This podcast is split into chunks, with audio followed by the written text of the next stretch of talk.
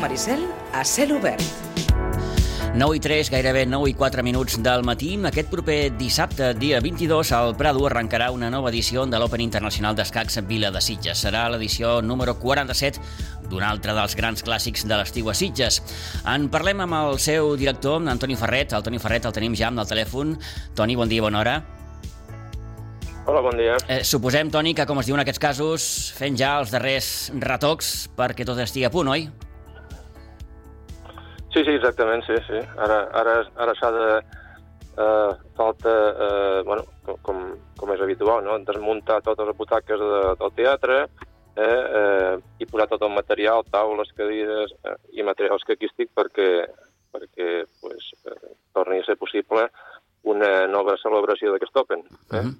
eh, recordo, tot just ara fa un any, quan ens vas venir aquí a la ràdio i vas parlar aleshores de que eh, l'any passat era sobretot un any de transició, bàsicament perquè es venia d'una pandèmia i la situació de conflicte entre Rússia i Ucraïna, bé, va, tot plegat va, va, va dur menys participants a l'Open. Aquest any, en aquesta edició número 47, Toni, com, com l'encareu?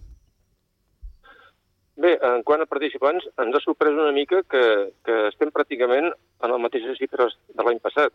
bueno, una, unes xifres que, que tot s'ha de dir, són bastant bones, no? perquè, perquè 190 participants eh, que estimem que tindrem pues, pues, està força bé, no? Mm. Però realment esperàvem una mica més, perquè si bé és cert que, que continuen sense poder venir jugadors russos perquè encara, encara continua el conflicte, però eh, la veritat és que esperàvem que ara que la pandèmia ja és un record, eh, pues que, que s'apuntessin alguns jugadors més, no?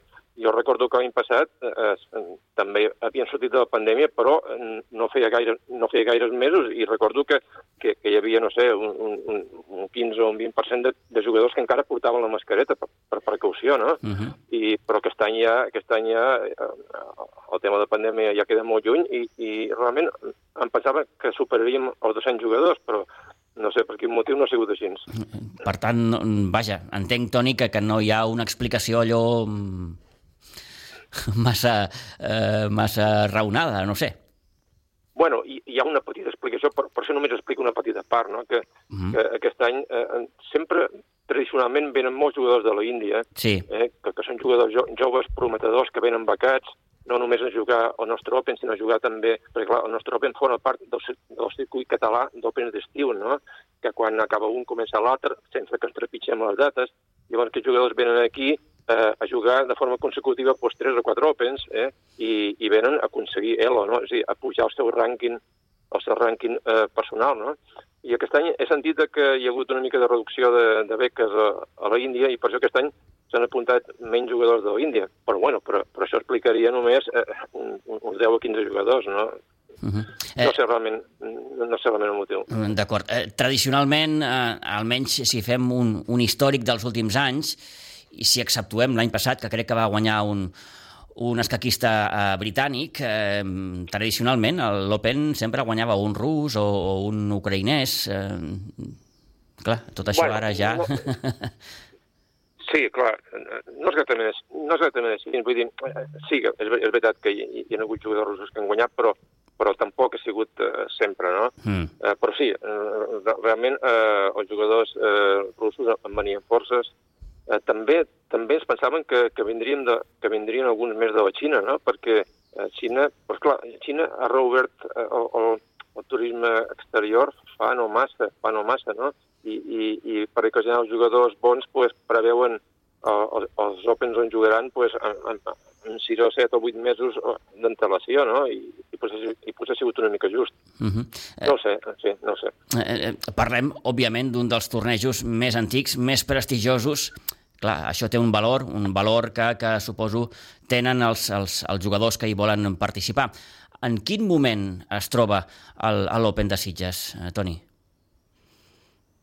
Bé, eh, es troba, diguéssim, eh, amb un nivell que, eh, evidentment, no, podem, no es podem comparar amb, amb, amb, el, amb el festival del Sunway que, que, que, que es fa cada any eh, al mes de desembre abans de Nadal, perquè això ja, ja aquests juguen amb una altra lliga, no? Uh mhm. -huh. eh, vull dir, per, per, per, per exemple, nosaltres, ah, per cert, nosaltres aquest any hem fet un important esforç també en incrementar en un 30% eh, la dotació econòmica, no? Eh, arribem fins, fins a més de 100.000 euros. Per exemple, el, el Sunway en dona, en dona 25.000, vull dir, són, són lligues diferents, no? Però, però, però sí que dintre de, dels, dels Opens que, del circuit català, eh, doncs estem, eh, estem eh, potser, potser som els tercers, els tercers o quarts eh, eh, millors Opens que hi ha, no? És a dir, que, que dintre del que és un Open de categoria mitjana, doncs déu nhi són punters, són punters dintre d'aquesta lliga, diguéssim, no? Eh? Uh -huh. eh, què creus que pesa més a l'hora de, de, de, de, de que els jugadors eh, decideixin participar? La dotació econòmica, el fet que és Sitges, el fet que eh, l'espai de joc, home, no deixa de ser un espai emblemàtic com és el, el Prado? A veure, l'espai de joc és, és immillorable. Eh? Uh -huh. jo, jo, he vist, jo he vist altres Opens i, bueno, és immillorable, no?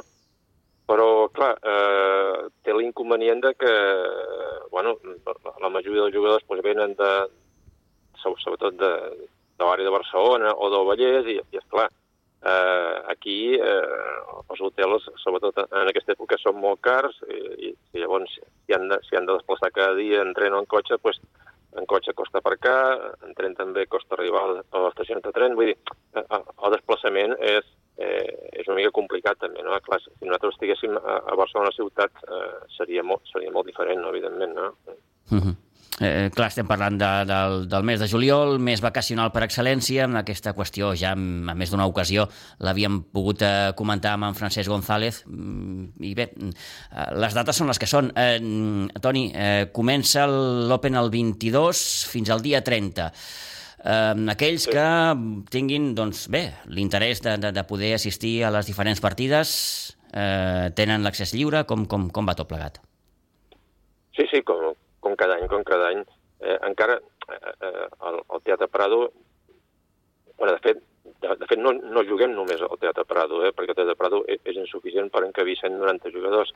Sí que, sí que és cert que la major part de, de, dels jugadors juguen, juguen al teatre, eh, sobretot els jugadors bons, els jugadors, jugadors més bons, però també ten, tenim habilitada la sala Jofre Vilà, per, perquè si no, no podríem encabir a 190 jugadors. Però vaja, jo, jo, jo el que aconsello és que les persones que ho vulguin a veure, encara que no hi entenguin d'escacs, eh, perquè és que, és que només, només veure, només veure l'espectacle l'espectacle de, de colors de bandera, de tants jugadors, de tantes races diferents allà barrejades, vull dir, només això ja, ja paga la pena. Ja, ja pots passar ja pots passar mitja hora allà eh, i, va, i val la pena, no? Mm -hmm. per, per tant, jo el que aconsello és que, que passin per allà, que vegin, que vegin aquest ambient, eh, eh, el, el Prado en, aquesta, en aquests nou dies pues, només respira escacs, no? perquè eh, el resta de l'activitat estan pràcticament ja aturades pel, pel, per l'estiu, eh, eh, el que és el, el, el Canyeter, que també hi ha la sala d'anàlisis, també des d'allà es poden seguir en directe també eh, els vuit primers